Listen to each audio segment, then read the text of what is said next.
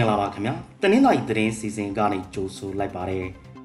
ဒီစီစဉ်ကိုတဝဲဝဝိုင်းတော်သားတွေကစူးစီးတင်ဆက်ထားတာပါဒီကနေ့ဒီဇင်ဘာလ9ရက်မှာဖြစ်ပေါ်ခဲ့တဲ့သတင်းအကြောင်းအရာတွေထဲကပရမစုအနေနဲ့တင်ဆက်ပေးချင်တာကတော့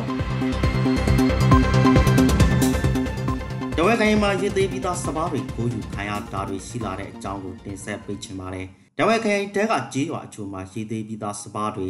လက်ထဲစုပုတ်ထားတဲ့အချိန်မှာခိုးယူခံရတာတွေဖြစ်လာပါတယ်။ အခါလွန်မိုးကြောင့်လက်ထဲကအရေးသေးပြီးသားစပားတွေမတည်နိုင်သေးခင်ညအချိန်မှာခိုးယူခံရတာပါ။လက်သမားတွေညဖက်လက်ထဲတွေမှာညအိတ်မဆောင်ရဲတာကိုအခွင့်ကောင်းယူပြီးခိုးယူနေကြတာဖြစ်တယ်လို့ဆိုပါတယ်။ဒီလိုပဲဥယျာဉ်ချပိုင်ရှင်တွေမှာလည်းခြံထွက်တီးနှံတွေမကြာခဏခိုးယူခံနေရပါတယ်။အာနာသိမှုနှစ်ကြာလာတာနဲ့အမျှဒေတာအသီးသီးမှာ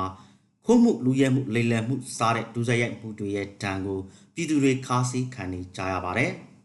ဆက်လက်နားဆင်ရမှာကတော့တနင်္သာရီမြို့နယ်ကစေဘေးရှောင်အများစုနေရမပြန်ရဲဖြစ်နေကြတဲ့အကြောင်းပါ။မြစ်ခရိုင်တနင်္သာရီမြို့နယ်ကတိုက်ပွဲတွေဖြစ်ပွားရာဒေသတွေမှာနေထိုင်တဲ့စေဘေးရှောင်ပြည်သူအများစုနေရမပြန်နိုင်သေးကြပါဘူး။အဲ့ဒီဒေသတွေကတော့ညောင်ပင်ကွင်းလက်သင်းနဲ့နောက်မော်ဒူကြီးရွာတွေပဲဖြစ်ပါတယ်။သူတို့တတွေဟာနိုဝင်ဘာလလဆကတည်းကဆေးပေးရှောင်နေကြရတာပါရွာထဲလိုအပ်တဲ့ပစ္စည်းတွေပြန်ယူဖို့လောက်ပဲခဏပြန်သွားရဲကြတယ်လို့ဆိုပါတယ် အလားတူဘော်ဒီကန်ထုတ်တော်ဘန်လောတို့ဘက်ကဒေသခံချိုလဲနေရမပြန်ရဲကြသေးပေမဲ့အချို့ကတော့ပြန်နေတာတွေရှိပါတယ်တစ်ဆက်တည်းမှာပဲတဝဲခိုင်လောင်းလိုမျိုးနဲ့ညောပြည်ကြီးရွာကဒေသခံချိုနေရပြန်လာနေကြပါတယ်အချို့ကတော့နေရမပြန်သေးပဲနိစရရွာတွေမှာတေးဆောင်နေကြဆဲဖြစ်ပါတယ်သူတို့တတွေဟာနိုဝင်ဘာလနောက်ဆုံးပတ်ကလေးကနေရဆွန့်ခွာတေးဆောင်နေကြရတာဖြစ်ပါတယ် တဝဲရှိသောဒေတာဖောင်တော်ရှိအားလဲစစ်အစင်းမြင့်စီမံကိန်းနောက်ဆိုရအခြေအနေကိုဆက်ပြောပြပါမယ်တဝဲမြို့နယ်ရှိသောဒေတာဖောင်တော်ရွာမှာရှိတဲ့ရေအားလဲစစ်ကိုအစင်းမြင့်နေဖို့တနင်္သာရီတိုက်စစ်ကောင်စီနဲ့ကုမ္ပဏီတို့အကြစာချုပ်ချုပ်ဆိုလိုက်ပါတယ်။ပန်းတကြီးစွမ်းအင်ကုမ္ပဏီနဲ့တိဆောက်လုပ်ကိုင်လွှဲပြောင်းဆိုတဲ့ BOD စနစ်နဲ့လှုပ်ဆောင်ဖို့စာချုပ်ချုပ်ဆိုလိုက်တာပါ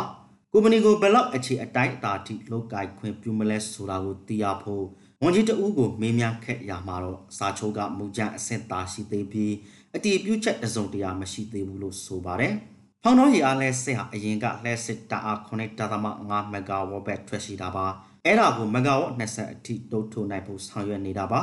အဲ့ဒီရေအားလှဲစစ်ကိုလာမောင်း20ထဲမှာပြည်စည်းဖို့ရည်မှန်းထားပြီးတော့ဒဝက်ခရိုင်ကိုလှည့်စစ်တယူနစ်200ကျလောက်နဲ့ပေးနိုင်မယ်လို့ခံမှန်းထားပါတယ်ဆိုတဲ့အကြောင်းတင်ဆက်ပေးလိုက်ရပါတယ်ခင်ဗျာ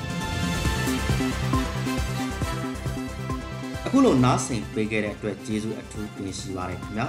မြန်မာနိုင်ငံသူနိုင်ငံသားများကာဘေးပေါင်းကနေအများစုလွန်မြောက်နိုင်ပါစေလို့ဒဝက်ဝဝိုင်းတော်သားများကဆုမွန်တောင်းတောင်းအပ်ပါတယ်ခင်ဗျာ